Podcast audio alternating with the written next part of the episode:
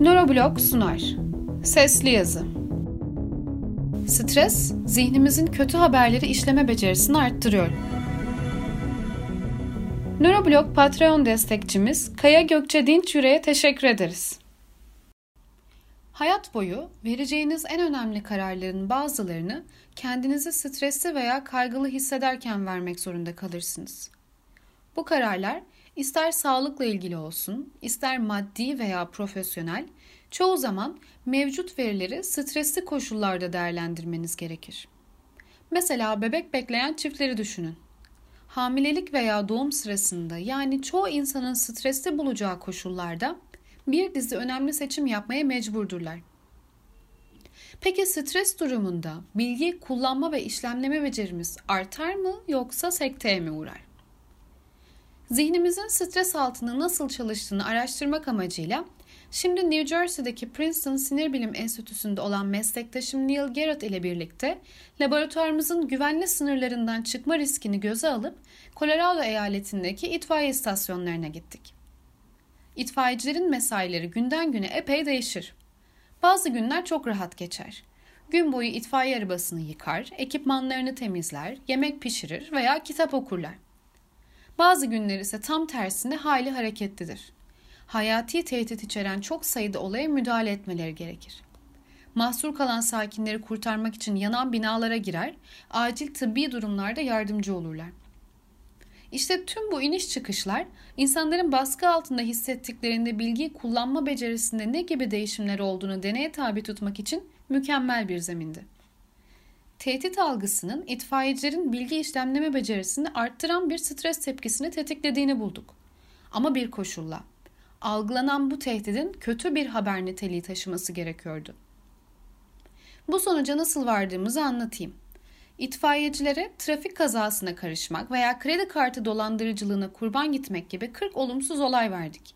Ve bunların her birinin başlarına gelme ihtimalini puanlamalarını istedik.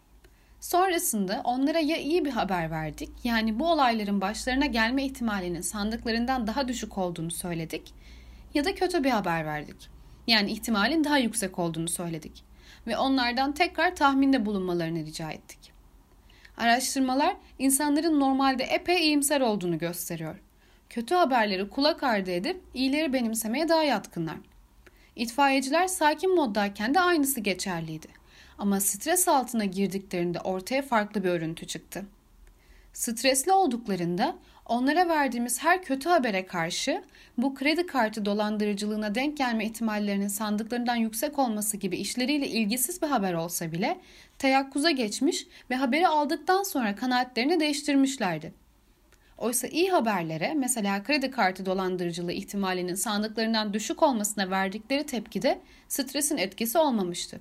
Laboratuvarımıza döndükten sonra aynı örüntüyü üniversite öğrencilerinde de gözlemledik. Bu öğrencilere hiç beklemedikleri bir anda topluluk önünde konuşma yapmaları gerektiğini ve yapacakları konuşmanın bir jüri tarafından değerlendirileceğini ayrıca kaydedilip internete koyulacağını söyledik. Elbette kortizol seviyeleri birden fırladı, kalp atışları hızlandı ve işe bakın ki hastalık ve şiddetle ilgili yani konuyla hiçbir bağlantısı olmasa da kaygı verici bazı verileri ansızın daha iyi işlemler hale geldiler. Stresli olaylar yaşadığınızda bunlar ister hastalığınızın teşhis edilmesini beklemek gibi kişisel olaylar olsun, isterse siyasi çalkantılar gibi toplumsal olaylar sizin her tür uyarıyı dikkate almanızı ve ters gidebilecekleri odaklanmanızı sağlayacak fizyolojik bir tepki harekete geçer. Stres altındaki insanların nöral faaliyetlerini inceleyen bir çalışma, bu tepkiyi başlatan düğmenin öğrenme sürecinde önem teşkil eden nöral sinyallerin artışıyla bağlantılı olduğunu ki buna kestirim hatası deniyor ve sinyallerin özellikle de korkmuş yüzler gibi beklenmedik tehlike emareleri karşısında arttığını göstermiştir. Söz konusu sinyal dopaminden beslenir. Stres altında olduğumuzda ise kortikotropin salıcı faktör adında başka bir molekül dopamin işlevini baltalar. Böylesi bir nöral yapılanma ilk insanların hayatta kalmasına yardım etmiş olabilir. Atalarımız aç hayvanlarla dolu bir ortama düştüklerinde tehditlere dair bir şeyler öğrenme becerilerinin artması işlerine yarıyordu. Çünkü bu sayede av olmaktan kaçınabiliyorlardı. Oysa güvenli ortamlarda bu şekilde sürekli tetikte olmanın anlamı yoktur. Belli bir miktar cehalet kafanızı rahat tutmanızı sağlar. Dolayısıyla çevrenizdeki değişimlere bağlı olarak uyarı sinyallerini işlemleme becerinizi otomatik olarak artırıp azaltacak bir nöral düğme kullanışlı olabilir. Hatta klinik düzeyde depresyonu ve kaygısı olan insanlar çevrelerindeki tüm olumsuz mesajları sünger gibi emdikleri bir ruh halinden ne yapsalar çıkamazmış gibi görünürler. Stresin insandan insana kaşla göz arasına sıçradığını fark etmemiz önem teşkil ediyor. İş arkadaşınız stresli ise muhtemelen siz de gerilecek ve kendinizi stresli hissedeceksinizdir. Beyinlerimiz birbirimize hızlıca duyu aktarımında bulunmamızı sağlayacak şekilde tasarlanmıştır. Çünkü bu duygular çoğu zaman önemli bilgiler taşırlar. San Francisco'daki Kaliforniya Üniversitesi'nde duygu profesörü olan Wendy Berry Mendes ve çalışma arkadaşlarım Kısa bir süre önce stresli bir olay yaşamış anneler bebeklerini kucaklarına aldıklarında bebeklerin de kalp atışlarının hızlandığını gözlemlemişti. Annenin kalp çarpıntısı bebeğe tehlikeli bir şeyler olduğu mesajını iletiyordu. Haliyle de bebek yabancılarla etkileşime girmekten kaçınıyordu. Başka birinin duygularının sizin davranışınızı etkilemesi için o kişiyle aynı odada olmanıza bile gerek yoktur.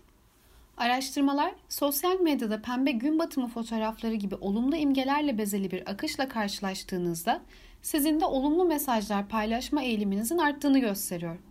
Oysa olumsuz paylaşımlarla karşılaştığınızda mesela insanların kahve almak için ne kadar uzun süre beklediklerinden şikayet ettiklerini gördüğünüzde siz de olumsuz paylaşımlar yapacaksınızdır.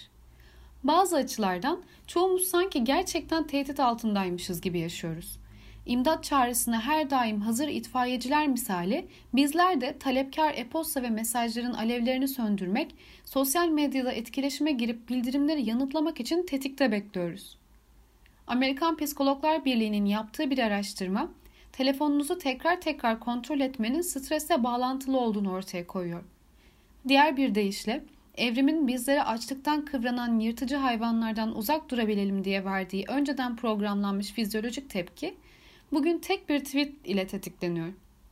Bir araştırmaya göre tweet atmak diğer pek çok günlük faaliyete kıyasla daha fazla nabız artışına, terlemeye ve göz bebeklerinde büyümeye neden oluyor. Stresin bizi alarma geçirecek mesajlara odaklanmamız olasılığını arttırmasına bir de tsunami gibi yayıldığı gerçeği eklendiğinde ortaya her zaman meşru bir zemini olmayan kolektif bir korku çıkabilir. Zira stresli bir olayın mesela bir terör saldırısının veya siyasi bir çalkantının ardından çoğu zaman gerek geleneksel gerekse sosyal medyada panik yaratacak bilgiler dolaşmaya başlar. İnsanlar da bu bilgileri hemen benimserler.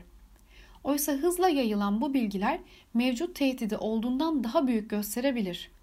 Bu doğrultuda terör saldırılarının veya borsadaki düşüşlerin ardından genellikle benzer bir örüntü ortaya çıkar. Stres tetiklenir kişiden kişiye yayılır. İnsanların olumsuz haberleri kabullenme olasılığı artar. Bu da stresi iyice arttırır. Hal böyle olunca da terör saldırısı dünyanın öbür ucunda yaşanmış olsa da seyahat planlarını iptal eder, pozisyonlarını korumak açıkça en iyi seçenek olsa bile hisselerini satarlar.